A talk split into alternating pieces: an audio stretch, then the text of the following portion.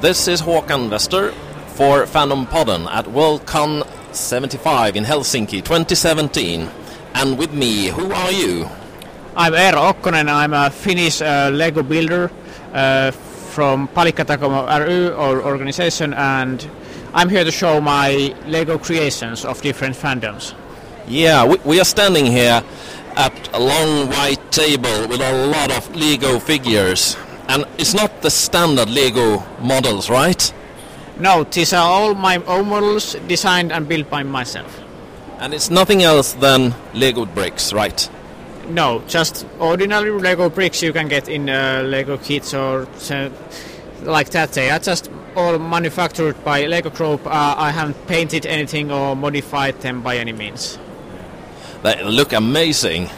Um, I saw Mr. Terry Pratchett here, for instance, have a black coat. Oh, perhaps you can exp- explain for me.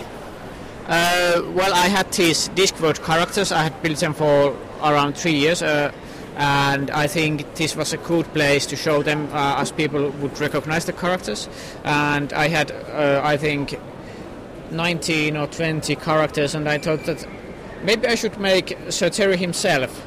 Uh, because he's an iconic uh, character of the fandom, of course, and, and well-known figure, and known for his black hat and, and beard.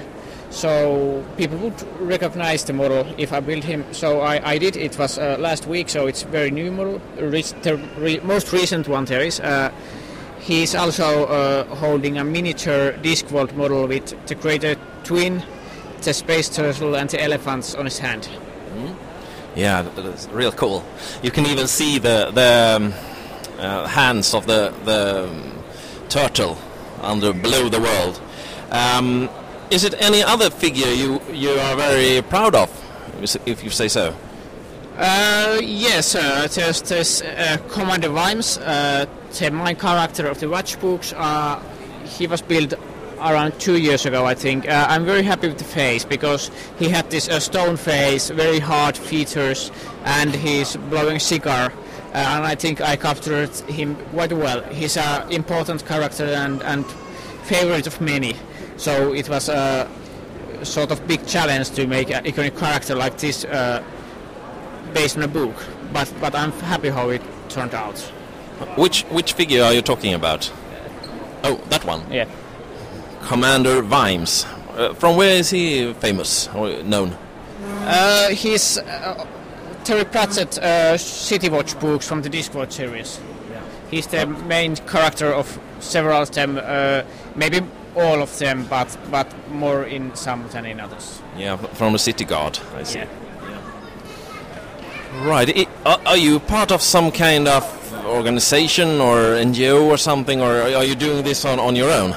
Uh, yeah, we have an organization, Palikkatakomo ry, which is a registration organization. Uh, we have exhibits. We don't don't sell sell anything, but we just want to show our uh, models to the public and uh, uh, sh- tell about our hobby to the people. We have uh, several, uh, like maybe six exhibits per year. Some uh, are longer in museums and sort like that, maybe two months long at, at maximum. And then we have these uh, weekends or couple of days.